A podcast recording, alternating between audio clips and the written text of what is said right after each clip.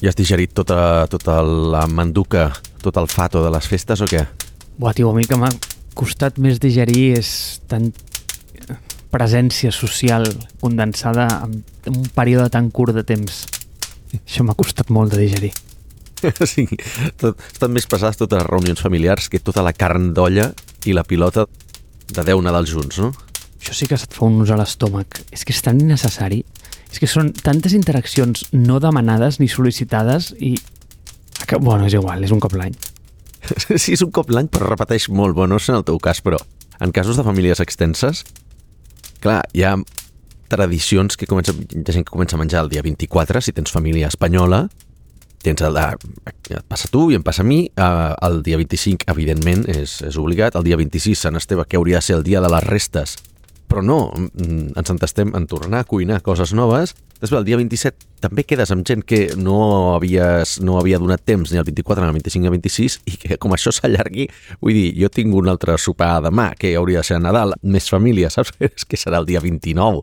Que, clar, depèn de, depèn de, de com ho toleris tot això, no? Hòstia, es, es, fa, es fa complicat. O sigui, entenc el tema de les dates assenyalades, però també la hipocresia aquesta de anem a dinar amb gent amb la que no ens hem vist en tot l'any perquè és Nadal, saps? Vull dir que només ens veiem per les festes, pues, bueno, fa, fa replantejar-te moltes coses, però, bueno, ja sabem, jo sempre he estat una miqueta com el Grinch, i a mi el Nadal no, no, el Nadal no és sant de la meva devoció. Clar, però llavors hi ha aquesta gent que el Nadal no és el sant de la seva devoció, però juguen. Jo no jugo. Jo manifesto explícitament que allò no m'està agradant. Però què fas, tio? Et puges a la taula i et cagues els plats, o què fas? Vull dir, com, com ho manifestes explícitament? Poso mala cara, Àlex, poso mala cara, vale? ah, val. No, et fots gazpacho. El dia de Nadal et fots un, un got de gazpacho i uns llibrets de llom, no? No, però tu a vegades vas pel carrer i et trobes alguna persona que fot 5 anys que no veus i llavors, oh, quant temps, no sé què, quina és la següent frase que et diu hem de fer un sopar. I llavors tu penses, a veure, si amb 5 anys no, no hem anat a sopar, serà per algun motiu. és que igual no hi hem d'anar, saps? Que l'aleatorietat de la vida ens hagi portat a creuar-nos pel carrer Tosset no significa que estiguem còsmicament destinats a anar a sopar. Per tant, això dels Nadals és com una cosa d'aquestes, però que per algun motiu algú amb molta constància va posar aquesta data i, hòstia, nen, es compleix com un rellotge, és com una profecia. Sí, però eh, també seria molt de borde contestar no, no, no, no hem de fer un sopar, saps? I marxar, saps? Seria la hòstia, també t'ho dic, eh? Vull dir, et donaria un, un premi Ondas si, si et vegués fer això, però crec que ningú té els sants collons de fer-ho. D'altra banda, sí que és veritat que si realment t'interessa molt cada una persona, o sigui, jo tinc una mica el truc, eh? Vull dir, si em trobo algú pel carrer i... Home, si fa cinc anys que no el veig o no la veig, és el que dius tu, hi haurà algun motiu. Però si realment dius, hòstia, sí, va, anem a quedar, has de buscar allà en aquell moment has d'obrir el calendari i dius, vale, anem a posar una data i una hora. Perquè si no, implícitament en el doncs quedem un dia per un sopar, implícitament en aquesta frase hi ha un no ens tornarem a veure en cinc anys més, val? Però si tu realment vols forçar aquesta, aquesta interacció, vols forçar aquest sopar, aquest esmorzar, aquest cafè, has de posar data allà i aleshores ja veus si realment hi havia intenció o no. Però bueno, dit això, va, anem a fer un episodi social avui, perquè anem acumulant preguntes de l'audiència. Fa diversos episodis ja que no gravem preguntes i, i respostes i, i crec que estaria bastant bé perquè tenim algunes de força interessants. Algunes donarien per gravar un episodi sencer, eh? si no una temporada sencera. Però crec que n'hi ha tres o quatre que, que poden ser resoltes avui i, bueno, crec que pot, pot ser un episodi més lleugeret per la gent que encara estigui digerint la, la carandolla i els canalons. Què et sembla? Em sembla bé, més perquè el destí ha volgut que dilluns sigui Nadal i dilluns sigui cap d'any. Per tant, són dos episodis que han sortit el dia 25 i el dia 1, que és com just el dia que la gent té més ganes d'escoltar un podcast, estic segur. Mira, de fet, eh, hagués sigut interessant el dia de Nadal si algú es va posar els cascos aquests que tu portes, que l'Àlex porta uns cascos d'aquests gegants, d'aquests de sobre orella, si algú el dia de Nadal es va posar això i es va posar a menjar galets amb uns cascos escoltant foc a terra, aquesta persona sí que mereix un Premi Ondas, eh? Hòstia, si algú s'ha de posar mentre dinem amb la família, eh, que ens ho faci saber. Que ens ho faci saber que el convidem a un esmorzar de forquilla. I dilluns que ve sortirà episodi el dia del meu aniversari, perquè el dia 1 de gener és el meu aniversari, per tant, qui escolti episodi el, el dia 1, doncs gràcies, implícitament m'estarà enviant felicitacions. Val, I pels curiosos també que sàpiguen que no ets el primer català de l'any, eh? no, no, vaig sortir com a les 4 de la tarda perquè feia mandra, després de la migdiada surt millor. en fi, vinga, per quina comencem, tio? A mi... Tries tu una, per començar? Va, hi ha una que és la que més m'agrada, però aquesta la guardaré per la segona, perquè primer, una de l'Adrià, la del creixement de l'economia, medi ambient i de creixement, com es lliga amb la tecnologia tot. La pregunta no està gaire ben formulada, però ja s'entén el concepte. Vale? Aquesta és de, és de les que dona per un episodi, però és de les que recentment jo he canviat d'opinió. És tutxíssima jo no entenc res. Eh? Vull dir, quan, quan la vas apuntar vaig dir no entenc res, però bueno, deixem que l'esculli el Marc perquè jo no, no m'hi llançaré. No, no, si jo no la vaig apuntar, ens la van fer arribar. Sí. Jo simplement trasllado les paraules de la nostra audiència aquí. El punt aquí és, i això ho mencionàvem, ara no, no recordo eh, en quin episodi ho dèiem, que una de les pitjors maniobres de màrqueting de les energies renovables és aquesta idea de que el món funcionarà amb energia renovable, però també haurem de reduir el nostre consum, no? És a dir, com que progrés ve de la mà de consumir menys i produir net, perquè clar, vull dir, ja sabem que bueno, doncs és difícil eh, tenir una potència instal·lada comparable amb una energia nuclear, per exemple, doncs amb un parc eòlic, per dir una cosa, no? Aquí he canviat d'opinió jo, Àlex. Jo abans era el, el mític que s'anava a viure a la cabanya i pensava que l'evolució significava consumir menys energia, viure molt acord amb la natura i podria considerar una mica hippie en aquest sentit. I he canviat absolutament d'opinió. O sigui, penso que això és el fracàs més gran que li pot passar a la humanitat. És a dir, si alguna cosa ha de venir, ha de venir de, de la mà de més. Per tant, energies renovables han de venir, però han de venir de la mà de més. És a dir, el fet de... Penso com que l'energia és... Com, com es diu el currency? Com la... La divisa. La divisa. Oh, mira quina frase, nen. L'energia és la divisa del progrés. Fins aquí. Collons, Marc, estem filosòfics, eh? T'han entrat bé els, els canalons. Bé, eh? sí, eh? Què en penses tu d'aquesta idea? Perquè, o sigui, jo miro el futur i, i recordo que això ho discutia molt amb el Ramon, perquè el Ramon era molt d'aquesta idea de no, no, no, no, reciclar és de perdedors. O sigui, aquí el que hem de fer és que la tecnologia ho gestioni tot plegat i de la mà de la tecnologia hem de poder fer més i hem de poder consumir més i jo m'hi pixo amb si em deixo l'aigua calenta oberta o la- tinc la calefacció a 38. O sigui, el que tenim que tenir és un superhàbit d'energia molt bèstia. No em sorprèn gens, eh? També t'ho dic. Ja, ja, No total, total. I jo era tot el contrari, eh? Jo era, no, Ramon, hem d'anar amb compte, hem d'intentar consumir poc, hem de reciclar més... Jo cada vegada, malgrat no ho estic fent, eh, perquè em sembla com un crim social fer-ho i va molt en contra dels meus principis, però intel·lectualment ja he fet el canvi. O sigui, a la pràctica encara no ho porto, però intel·lectualment ja he canviat i ja penso, no, no, no, no, no, no. Si el futur té que tenir alguna cosa, és que té que tenir un superhàbit energètic acollonant i ens té que permetre fer el que ens surti de les pilotes. Perquè el progrés va íntimament lligat al fet de disposar de més energia. I si algú té interès sobre això, que s'escolti a l'episodi, no recordo si és 50 i pico, eh, que era Nucelar, on explicàvem la fusió i, i la fissió. I sobre aquest, el creixement de l'economia va íntimament lligat amb, el, amb un consum més elevat energètic i, per tant, no pot anar de la mà d'un decreixement, sinó que va de la mà d'un creixement.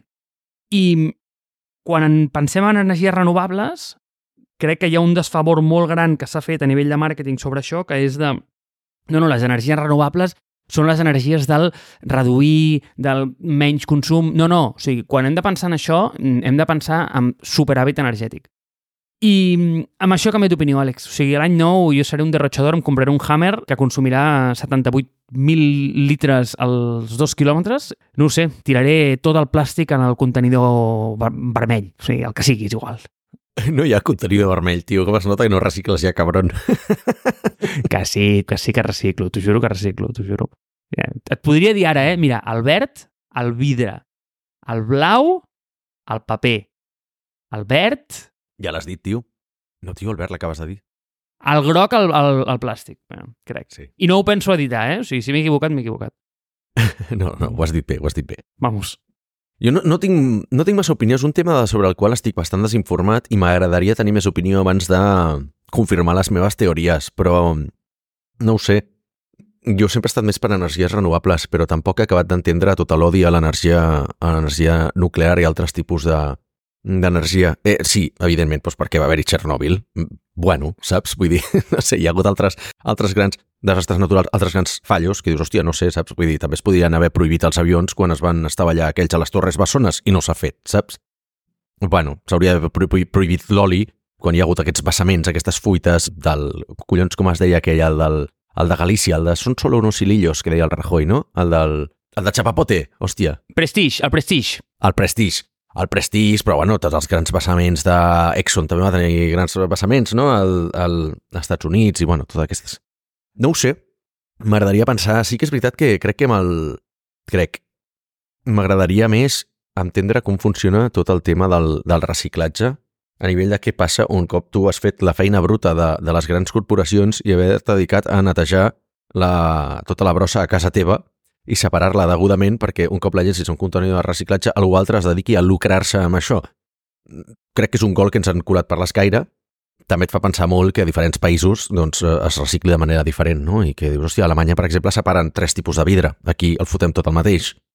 Bueno, m'agradaria estar més informat això. No, no, tinc, no, tinc, no tinc gaire opinió, eh? Vull dir que en realitat prefereixo passar, fer un passapalabra aquí i passar a la següent, a la següent pregunta. Et faré un passapalabra només aportant un matís, i és que fa poc, no sé amb qui tenia la discussió aquesta de quant de perillós és i com factoritzes les conseqüències no pensades o no anticipades d'una planta nuclear o una cosa d'aquest tipus, d'acord? Tot sigui dit que ara hi ha, tio, hi ha una quantitat d'innovació en l'espai increïble i ha unes, uns nous reactors que es diuen SMR que, vull dir, podríem fer un, un, un episodi únicament dedicat a això perquè és, són una autèntica meravella de l'enginyeria, eh? Però una de les coses que és molt senzill preguntar-ho és, escolta, em podries dir quina és per quilowatt generat el número de morts que cada una de les fonts d'energia produeix? Morts humans o morts eh, en general? O sigui, morts humanes relacionades amb aquella font energètica, no? És a dir, per exemple, tu factoritzes tota la gent que va morir, doncs, m'ho invento, eh? A Txernòbil, a Fukushima i al... Hòstia, és Long Island? El de... Va haver-hi un als Estats Units també, que ara no recordo quin era. Però sí, són els únics tres incidents nuclears que hi ha hagut a la història. I això és un mite molt bèstia que hi ha sobre que l'energia nuclear mata la gent. I a veure, el problema, és que aquest episodi és molt llarg, però el problema que té l'energia nuclear és que la gent que pren les decisions i que estan als comitès decisoris sobre implementar-la o no té un viatge molt bèstia per les implicacions que ha tingut l'energia nuclear en altres espais o en altres sectors com el de conflictes bèl·lics, mm, la Guerra Freda, etc, etc, etc. I realment se li ha fet un desfavor molt gran a nivell de màrqueting en aquest aspecte. Però és evident que si tu fas aquesta cerca i mires per megawatt o per gigawatt generat quantes morts associades hi han a cada font energètica, veuràs que de llarg l'energia nuclear és la que menys en té, però de molt llarg. Quina és? La que més? El carbó, no? Sens dubte sí. Sens dubte sí. Ah, absolutament, clar. Home, sí, clar, si, si atribueixes a les bombes nuclears a, la, totes les morts, o sigui, l'energia nuclear, les morts de la, de la guerra nuclear, doncs home, el carbó pots atribuir tots a, tot, no sé, tio, totes les explosions que hi ha hagut al planeta, principalment accidents de, de trens. Cuidao, no m'he explicat bé, no m'he explicat bé, Àlex, perdona. Val. O sigui, no estic atribuint... Ah, val, per quilowatt. I encara que les atribuïs, tampoc serien tantes, eh? perquè al final només s'han tirat dos bombes nuclears i no van matar a tanta gent val, val. comparat amb, per exemple, què va matar la Segona Guerra Mundial. Això és una discussió, és això el trolley problem, eh? Vull dir, el, el trolley problem, tenies un clar cas. Sí, ens estem ficant en un jardí que potser no era la pregunta de l'Adrià. No. Però dit, dit això, on anava? Amb això, no? Que per quilowatt generat, l'energia nuclear, i estic factoritzant plantes nuclears que el que fan és que produeixen energia amb la fissió de, de, de l'urani 235, no estic dient en cap moment que mm, siguin morts per eh, bombes nuclears, si plau que, que no se'm malinterpreti aquí, eh? En altres llocs se'n pot malinterpretar, aquí no. És l'energia que té el, el ràtio més baix. I si et fixes, els tres accidents que van haver-hi han sigut tres caramboles, coses estranyíssimes i uns outliers on s'han juntat totes les possibles coses que haguessin pogut anar malament. Però, en fi, un episodi per un altre dia. El resum és això. Vinga. Hem de fer més, creixement de l'economia ha d'anar a tenir més energia i com era la frase que ens ha agradat molt? Que l'energia és la divisa del progrés o del creixement? No, una cosa així. Correcte, sí, sí. Està bé. Vinga, següent pregunta, Àlex. Següent pregunta. Mira, a mi hi ha, hi ha hagut una que, que m'ha agradat molt. També també és d'aquestes que pots dedicar un episodi, però com que ja parlem amb freqüència sobre, sobre el tema, crec que es pot re resumir força ràpid. No? És una pregunta del Raimon Lapuente, dels companys de Mossega la Poma, que deia com començaries un negoci bootstrap? Jo entenc que és com el començaries avui en dia, perquè doncs, jo ja ho he fet, no? Però si li vull donar la perspectiva històrica de dir, hòsties, avui què ha canviat, no? Què ha canviat en el, a finals d'any 2023? Podríem dir ja l'escoltareu al 2024. Aquest, per tant, una de les coses que ha canviat és que hi ha molta menys inversió que eh, els anys precedents, no? que eh, els últims 15 anys ha estat un, uns anys més de fluidesa, d'accessos de caixa, i on eh, els, les grans butxaques s'han adonat que invertir en startups era una bona manera de diversificar i de tenir uns retorns interessants versus altres tipus de altres tipus d'assets i això s'ha anat depreciant amb el temps, no? Per què? Doncs que cada cop hi ha hagut menys retorns, mm, hi ha hagut massa, potser el pastís s'ha fet massa gran i per tant s'ha diluït el valor que aporten tant el venture capital com el tipus d'empreses que es creaven, es va, es va invertir massa en empresa mediocre que no arribava en lloc, però simplement, perquè ja ho comentàvem, hi havia accés de diners i s'havien d'invertir sí o sí en algun lloc i per tant invertien de manera descomptada, això ha fet que a curt plaç probablement va donar algun tipus de, de retorn interessant als fons, però a llarg plaç els seus multiplicadors s'han diluït molt i no han acabat tornant tota la pasta que devien, no? I aleshores això fa que ja no sigui tan interessant. O sigui, no m'atreviria a donar unes xifres, però jo que sé, al principi de quan els, el fons, els primers fons de Venture Capital, diguem, dels primers fons dels 2000, perquè ens entenguem, donaven un retorn molt més interessant que invertir en ETFs, bàsicament, doncs ara ja no, no? S'ha girat una miqueta de truita. Per tant, ara és més bon moment que mai per començar negocis bootstrap. Bootstrap, recordem que són els negocis que s'autofinancien i que generen més, més caixa de la que gasten. Per tant, jo, si hagués de començar un negoci avui en dia, independentment de la conjuntura econòmica, perquè jo ja sempre, totes les coses que es monto, les monto sabent que guanyaré més diners que no pas en gastaré, si no, no ho faig, perquè no vull dependre de diners d'altres, però avui en dia amb més raó faria bootstrap en el sentit de, de dir si ara anés a buscar calés, probablement em costaria 10 vegades més aixecar aquests calés que fa 10 anys, val? i potser aixecaria la meitat. Que és un mantra que venim sentint des de fa dos anys al món de les startups, quan va haver-hi la gran caiguda al món de les tech, doncs eh, avui en dia és més, és, més, eh, és més exagerada que mai.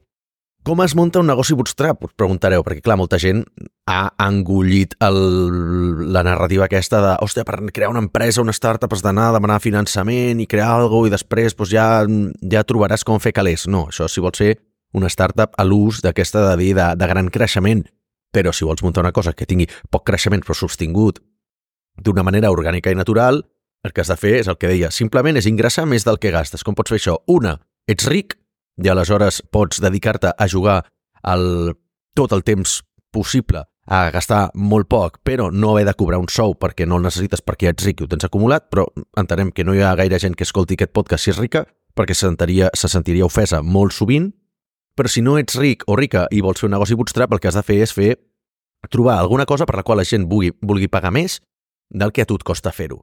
Una manera és fer el que se'n diu fer serveis, no? O sigui que la gent pagui per la teva hora o pel teu valor i doncs et crees una consultoria, una agència, vens dissenys, vens innovació, vens coaching, vens teràpia, vens petites fraccions del teu temps, no? I això, com que és un bé immaterial, doncs no té un cost de producció. Val? En aquest sentit, pots, pots fer-ho ja des del primer minut. Val? Depenent del teu nivell d'expertesa, el cobres més alt, menys, etc etc. I mentre no contractis a, a, a ningú i et paguis simplement les despeses que tens, i més endavant ja podràs pagar un sou, és una bona manera de començar un negoci bootstrap. Si ets una startup i el que vols fer és fer bootstrapping, el que has de fer és desenvolupar un producte que d'alguna manera ja l'has hagut de desenvolupar abans de crear l'empresa o, si ets molt bo venent, pots fer una preventa a algú. El que, se sol, el que se sol fer és gent que treballa en una empresa, troba algun nínxol que l'empresa no està disposada a cobrir, per exemple, en el cas de TravelPerk, doncs el, el Javi Suárez treballava a Booking.com i va tenir la idea de fer Booking.com però en B2B, va preguntar-ho a Booking per desenvolupar-ho, Booking va dir no ho farem això i va dir doncs m'ho vaig a muntar-ho pel meu compte i va muntar TravelPerk amb dues altres persones. I avui en dia és una empresa doncs, que té, no sé ja té mil treballadors, el qual és una baixanada, però és una empresa que, que està funcionant molt bé, no? Què passa? Que tot i així, tot i així van haver d'aixecar calés per desenvolupar-ho tal qual, no?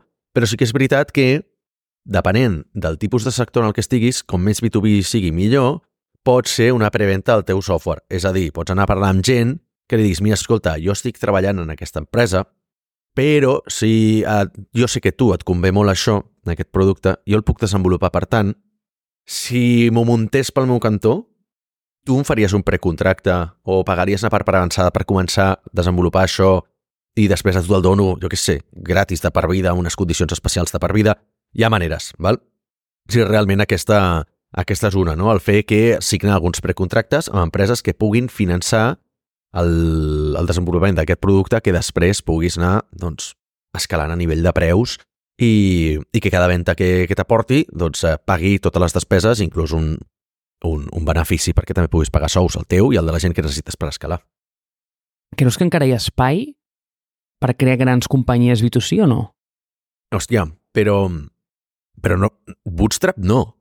El B2C, per definició, costa molt que sigui Bootstrap, perquè el tamany de, de client que tens, o sigui, B2C al final es redueix molt a cremar diners en, en Google Ads, fer adquisició massiva d'usuaris i esperar retenir aquells usuaris abans de que es cremin i vegin que realment no hi ha tant de valor en aquella plataforma i es comencin a generar dinàmiques de xarxa. Això generalment no passa menys que tinguis diners infinits. I què passa? Que et costa tant anar a buscar aquells usuaris que tampoc retens que és una miqueta en pou sense fons. És molt més fàcil en el B2B, perquè en el B2B, en comptes d'anar a buscar usuaris que et paguin 5 euros al mes o 20 euros al mes, vas a buscar contractes de 40.000, 50.000 euros anuals. I aleshores, amb un contracte, pagues el sou d'una persona. Amb dos contractes, probablement pagues el sou de dos o tres i vas escalant, no? I el B2C requereix de massivitat. Per tant, jo crec que la meva teoria, eh, i fent una miqueta de predicció per l'any vinent, és només pot sortir un nou gran player B2C si ve d'una marca anterior. Exemple, si Threads acaba funcionant és perquè tenien tota la base de dades de Meta, és a dir, Facebook, Instagram i WhatsApp, no? Però segurament hi haurà algun altre exemple que sortirà realment una xarxa social l'any que ve, perquè ja toca, que acabi tirant per terra la meva teoria. I serà massiva, eh? Vull dir, no ho sé... Però ha, ha de tenir diners infinits darrere, vull dir, és com quan va aparèixer Shane, que no el vam veure ni arribar. No, sab... no en teníem res. Quan va sortir Shane li vam dedicar un episodi. D'on va sortir? Com, com, va, com va ser capaç de gastar, o sigui, de, de, de tenir molts més usuaris, de generar més marca i tot, i arrasar més que Zara, que era el gran player d'aquest sector, i de cop i volta apareix Shane i ara és indiscutible que estan allà. Tu a dia d'avui, si comencessis negoci, sens dubte, bootstrap, eh? La moda d'aixecar 10 quilos amb un PowerPoint, igual l'aparquem a l'armari el 2024? Bueno, jo et dic, abans de posar pasta en un negoci meu, el poso en negocis dels altres, perquè així si, si, si perdo aquella pasta li puc donar la culpa a l'altra gent. No, és broma, això no ho faig, eh? Però eh, em sentiria molt més culpable jo si ara digués, vinga, poso 30.000 euros meus en un projecte i se'n van a la merda, perquè jo no em veig capaç de transformar aquells 30.000 euros en, en un multiplicador. En canvi, sí que veig capaç a molta gent de fer-ho, no? I aleshores jo l'ajudo financerament i, per tant, per això sóc un inversor. Però, no sé, jo no he muntat mai res que hagi necessitat capital extern i no penso fer-ho perquè crec que requereix un, unes habilitats que jo no tinc i que tampoc m'agradaria crear. Saps? Prefereixo, prefereixo seguir sent la persona que sap generar més calés dels que gasta. Aleshores, per això seguiria fent B2B. Si hagués de muntar un producte que no crec que sigui el següent que monti, si és que he de muntar alguna cosa, seria B2B descaradament, però aniria a buscar això, els grans contractes anuals, poquets, però amb molt bona relació, res de venture capital, res de creixement exagerat, res d'anar a buscar grans mercats, sinó anar a buscar un nínxol molt específic, cobrir-lo bé i ser l'única opció. Però fixa't, eh, amb el que has dit, el molt malalt que està o ha estat el sector, que bàsicament tot el discurs que has articulat ha sigut, sí, sí, muntaria digitalment el que es coneix com en el món dels àtoms i de les coses com un negoci normal. Correcte. On produeixo per 3 i, i venc per 6. I els 3 que queden pel mig me'ls quedo per mi i això es diu profit. I sobre això inverteixo, contracto més gent... Pago dividends. Sí, exacte. O sigui, és un negoci de tota la vida. El que passa és que el sector s'ha pervertit tantíssim que ara quan menciones això sembla que siguis dient com, és que vull muntar un negoci de veritat. I, i sembla com que no sigui possible aquí, saps? O sigui, sembla com que siguis tu el, el rebel que està intentant muntar un negoci, és a dir, una cosa que factura diners en l'espai digital i sembla que no, que t'estiguis com justificant, explicant que no, no, escolta, és que el meu facturarà des del primer dia, eh? No, no, no sé si t'espanta això, eh? És, és curiosíssim. Fixa't que és curiós que hi ha l'experiment social aquell dels nens que els hi diuen mira, pots, et puc donar... Què prefereixes? Et dono dues opcions. Una és, tens un caramel ara, o si t'esperes dues hores, te'n donaré 5, no? O alguna així, val? no me'n recordo com, com era exactament. I la gran majoria dels nens diuen jo vull la satisfacció immediata, per tant, jo vull el caramel ara. Val?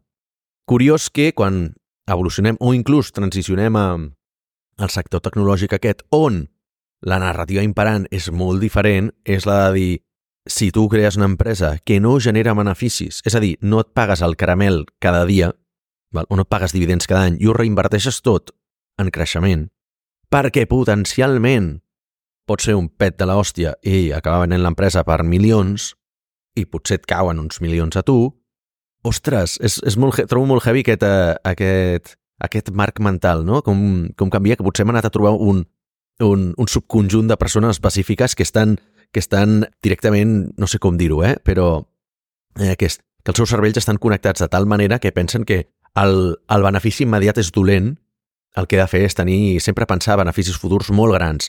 I també, bueno, les hòsties també són, són gegants, eh? les que es pega la gent que, que munta aquest tipus d'empreses i no s'han pagat cap tipus de benefici, no s'han fet cap tipus de regalet, i ja està.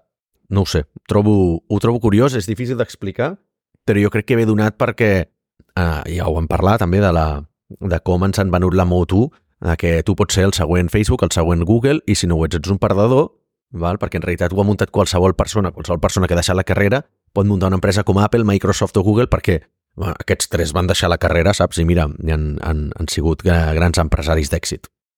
És que de veritat, eh? Això és la autèntica merda més gran que la societat ha venut mai. Aquesta idea de sí, fill, tu pots fer el que vulguis, tu ets especial i tu seràs el que muntaràs el següent Facebook. Doncs, tio, em sap greu, però no. I encara que ho facis, és que és igual.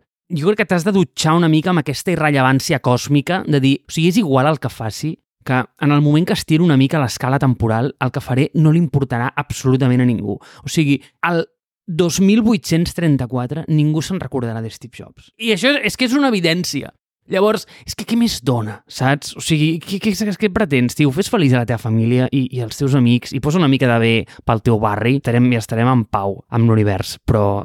Jo crec, jo crec que hi ha, sí que coses, que, que hi ha un, un cert conjunt de coses que et poden maximitzar les teves possibilitats d'èxit. Tot i així, el joc de les startups i les empreses en general és un tema de temps, no? és timing. O sigui, tu arribes al moment adequat, crees l'empresa, aguanta suficientment com perquè l'empresa sigui rellevant i aconsegueixis trobar el product market fit i faci fer el creixement, fas la sostenibilitat, etc etc i mantenir-te a les crisis i haver desenvolupat el producte, el, el, el segon producte derivat, que és el que durant un temps de crisi la gent deixa de comprar el teu producte principal, però et salva les comptes el producte secundari, doncs aquest és el tipus de coses que has d'haver encadenat molts gols per l'escaire, moltes, o sigui, una última jornada d'infart, com diríem al futbol, on tothom per sobre teu empata o perd i tu guanyes i a l'última jornada passes a estar del, del posto 19 al 15 i et salves de baixa segona divisió, passa molts pocs cops, no? Però hi ha moltes coses que et poden ajudar amb això, no?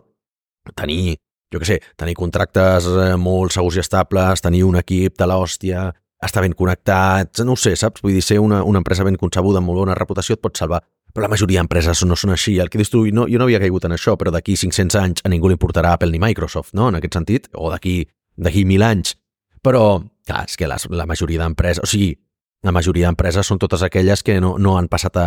Són tots aquells imperis que no han passat a la història. I a la història han passat 10 mm, o 12, val? però no se sent mai a l'imperi secundari o terciari no? dins de, de, dels llibres d'història en, aquests, en, en un determinat període de temps.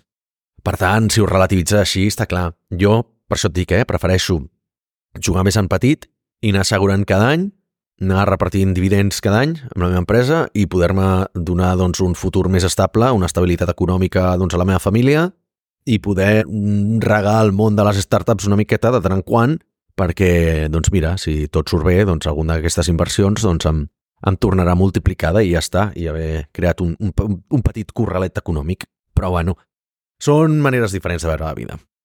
Sí, i escolta, que no estic donant consell vital en aquí, que hi ha coses bones i coses dolentes. Bueno, una mica sí, tenim editorial i se'ns veu una mica llautó. Però la teva, a mi em sembla com una manera una mica més sana i racional d'aproximar-se a la vida en el sentit de que, a veure, com que les probabilitats de que tu crearàs el nou imperi intergalàctic no són molt altes, per no dir que són poc menys que zero, a veure, per què no ens centrem en fer feliços a la nostra dona, als nostres fills, als nostres gossos, als nostres gats, Àlex? i el nostre cercle d'influència i ens oblidem de la resta. Crec que seria com una bona manera de, més sana d'aproximar-se a, la, a la vida en general. Estic, molt d'acord i un petit corolari a aquesta pregunta que seria un, una altra cosa interessant que trobo que és que no es parla com fer sobreviure una empresa bootstrap, no? Per què? Perquè en els últims dos anys ja hem vist desaparèixer moltes agències també. Gent que, per o per bé, ha decidit tancar o s'ha malvenut o o no li han anat bé les coses, i generalment són empreses que generen més que gasten. Però és veritat que hi ha una cosa que jo vaig tenir molt clara, de, bueno, jo i els meus socis vam tenir molt clara quan vam crear l'empresa, que vam dir, serem una empresa mediàtica, val? I això serà un dels grans èxits de l'empresa. Si t'hi fixes, dins del món de les consultores barra agències, no se'n coneixen a gaires, però Marsbeix es coneix, no? Perquè és, és percebut així com, bueno, és startup friendly, fem esdeveniments, tenen el podcast, no sé què. I això ens ha generat i aquí és el, el, el, la mare de tots els ous, una comunitat al voltant de l'empresa que jo crec que és el que, el que juga molt a favor nostre, no? O sigui, gent que és hooligan nostra, que ens envia projectes, gent que ens envia talent, vull dir, que ens vol ajudar només perquè nosaltres els hi ajudem molt amb el blog que fem, amb els esdeveniments i tal, doncs ens ho vol retornar. I això moltes altres empreses no ho han tingut. Per tant, la meva predicció de fa 10 anys, que vaig dir, d'aquí 10 o 15 anys, les empreses que no tinguin comunitat no les passaran canutes, o sigui, no, tiren, no existiran però serà molt difícil concebre una empresa tecnològica o de massa sense una comunitat al seu voltant, s'està demostrant. Passem a la següent. Quina vols agafar? Mira, fixa't, ja que parlàvem una mica de, de com es diu, retrasar o, o retardar... Endarrerir. Endarrerir, d'endarrerir la gratificació, amb l'exemple del nen... Posposar. Exacte, posposar la gratificació, podríem preguntar-nos si ens podem fer rics encara a dia d'avui treballant poc, que ens pregunta l'Aimar. És que aquesta m'encanta. L'Aimar és la primera persona que ha fet dos preguntes al podcast, eh? vull dir que endavant. Bueno, un va ser un episodi, realment li vam dedicar un episodi molt al principi, me'n recordo. era un dels, no sé si, era, era, era molt especulatiu d'aquests de, de la tecnologia del futur. Mm, pots fer-te ric treballant poc avui en dia? Hòstia, és una pregunta... Aquesta m'encanta. Crec que és més filosòfica del que sembla, eh? O sigui, la gent pot pensar, una pregunta molt simple. No, no és molt simple. Jo crec que té diverses vessants. Una és, com sempre dic, no? Si ets ric, segurament et pot ser més ric encara treballant poc. Per què? Perquè és molt fàcil explotar el valor de la teva marca. Però no ens centrarem en això, jo crec que ens centrarem en la gent que digui tinc poca cosa i vull fer-me ric o rica treballant poc avui en dia. És molt complicat, però, com sempre, és, jo crec que hi ha maneres de fer-ho. Una és amb timing i l'altra és amb influència. Val? Amb timing és arriba un boom com la intel·ligència artificial i tu, per ser dels primers, et poses allà a fer contingut, dones molt la xapa, li dediques moltes hores al principi a fer molt rebombori per després treballar poc relativament durant el, els anys. Si simplement posicionant-te molt ràpid en un sector que ha de créixer molt, si tu et puges a la onada molt al principi, la onada et portarà cap amunt. Val? I si tu la saps surfejar, pots estar a la cresta de la onada fins al final. Però tu ja hauràs estat al principi. És a dir, si ets aquestes persones que de cop i volta, doncs ara que ha sortit aquestes noves xarxes socials, has sabut masteritzar-ne una val? i descobreixes com va l'algoritme o per algú fas els posts de tota la vida que funcionen molt bé i et fas viral, patapam. Ja només tens... O sigui, has de mantenir-te. O intel·ligència artificial, o digue-li realitat virtual, el que sigui, pots convertir-te en un influencer, que són gent que treballa relativament poc, li ha de fer una gran inversió al principi, però Després ja troben el negoci de la seva vida en simplement ser haver estat una d'aquelles primeres veus que explicava com funciona tot això, crees una newsletter, crees comunitat, com deia abans, contingut a xarxes cada dia i ja pues, en fer un vídeo al dia, per bé que pot ser força feina per alguna gent, però pot ser que sigui més aviat poca per d'altres, si tens aquesta traça, doncs ja està. I l'altra és influència, és a dir, treballant molt poc, però associant-te amb una persona que sigui molt influent, que estigui molt ben connectada, que qual pugui ser la seva mà dreta, per algunes coses, crec que també, si no ric, pots viure molt bé. És a dir, si tens la santa sort d'haver-te trobat, conegut, ser familiar o que tu vulguis, d'una persona que sigui, que li vagin molt bé les coses, si tu et guanyes el respecte d'aquella persona i a tu et consulta pel que sigui en una matèria o hi ha coses en les que sempre has ajudat i en un, una cosa molt particular sempre estàs allà, pots especialitzar-te en això. Pots, aquella gent, aquella persona, t'anirà elevant socialment a nivell de contractes, a nivell d'influència també, i jo crec que és una altra manera de treballar en relativament poc, on el teu valor és saber socialitzar amb aquest tipus de gent i saber-los aportar més valor del que en treus, sí, en els seus ulls, crec que també és una altra manera de treballar relativament poc perquè aportes més valor que no pas al treball manual. Val? Són poques hores, però de molt valor.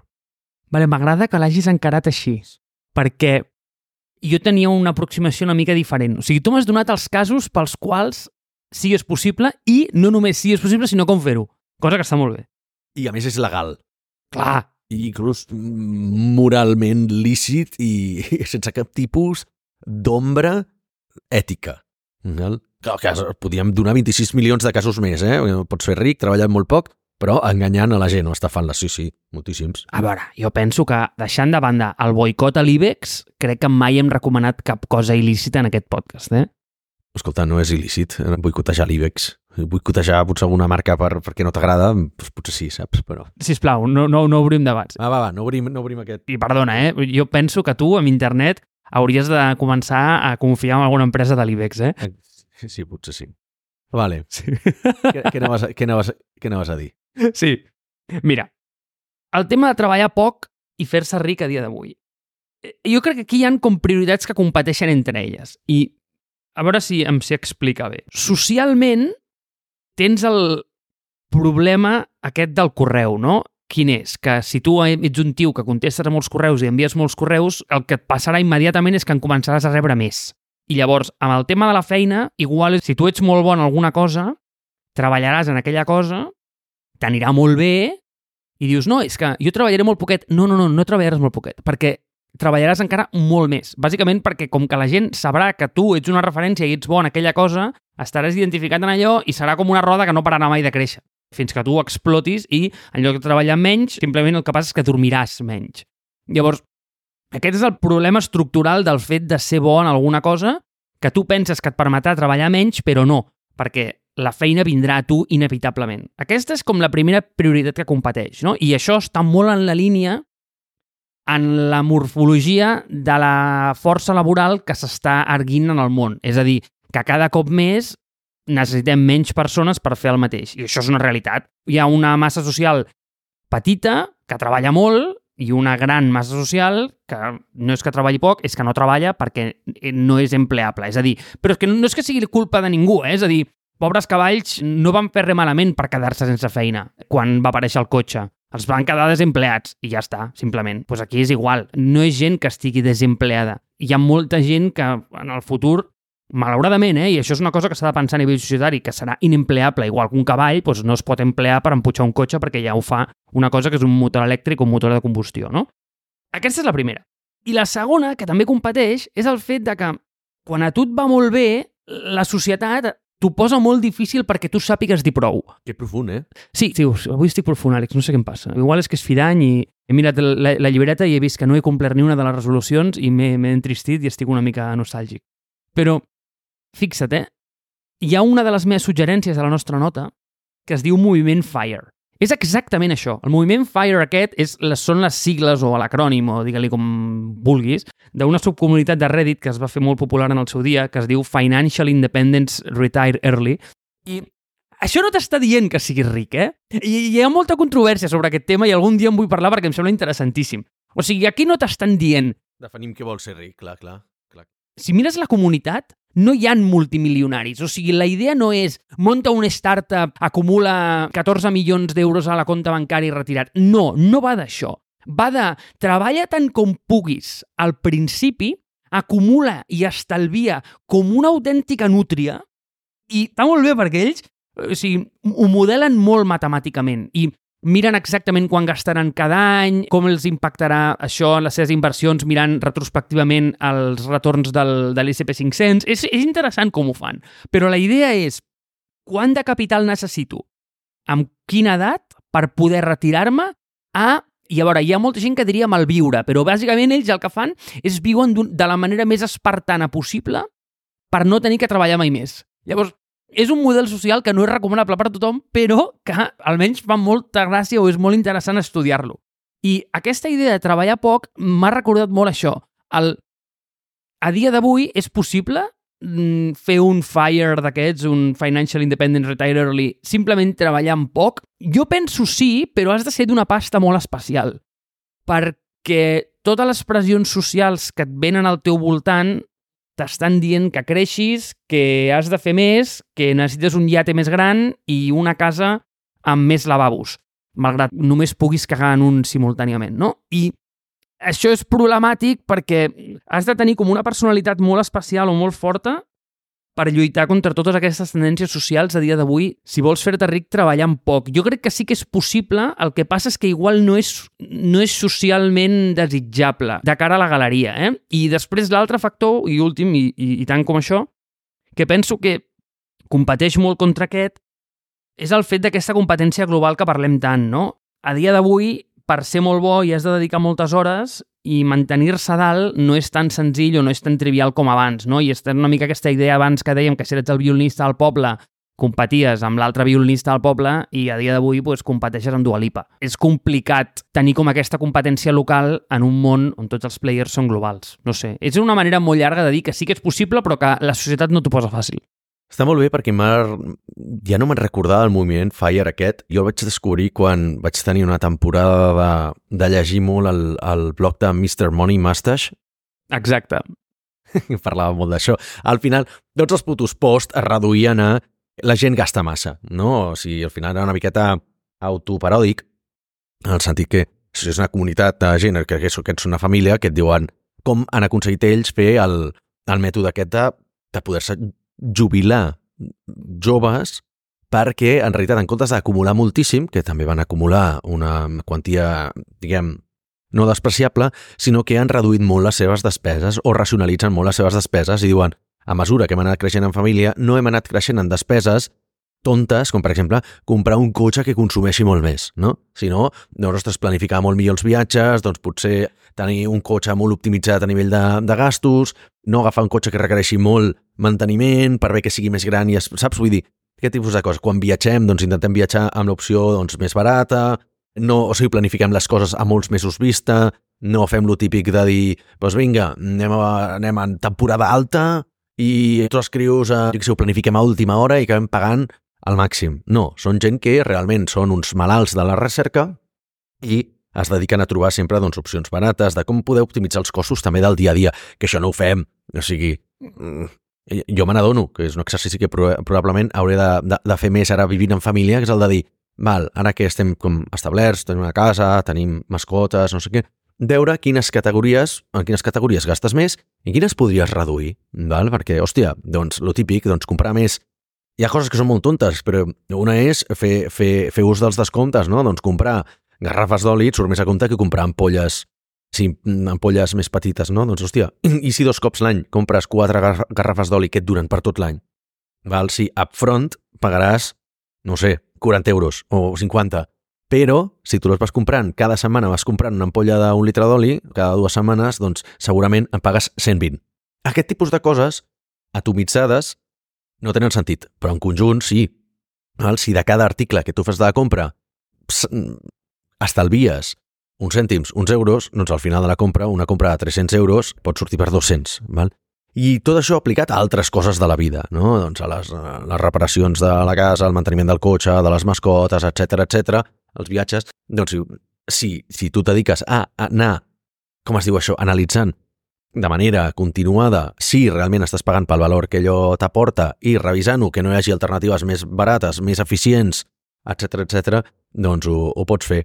Eh, M'ha fet, molta, fet molta gràcia la menció aquesta, perquè jo ho he, ho he enfocat des del punt de vista del treball i tu des del punt de vista de la pasta. Per tant, res, només volia portar aquest, aquest blog, que per mi no és una referència, però durant una temporada el vaig llegir molt i ara l'he recuperat perquè estic fent neteja de... porto un any fent neteja de Pocket, i tenia com 2.000 articles acumulats i he arribat als de, a la meva època de fa com 4 o 5 anys que vaig estar consumint força articles del, del, del bloc aquest i m'ha fet molta gràcia, però bueno.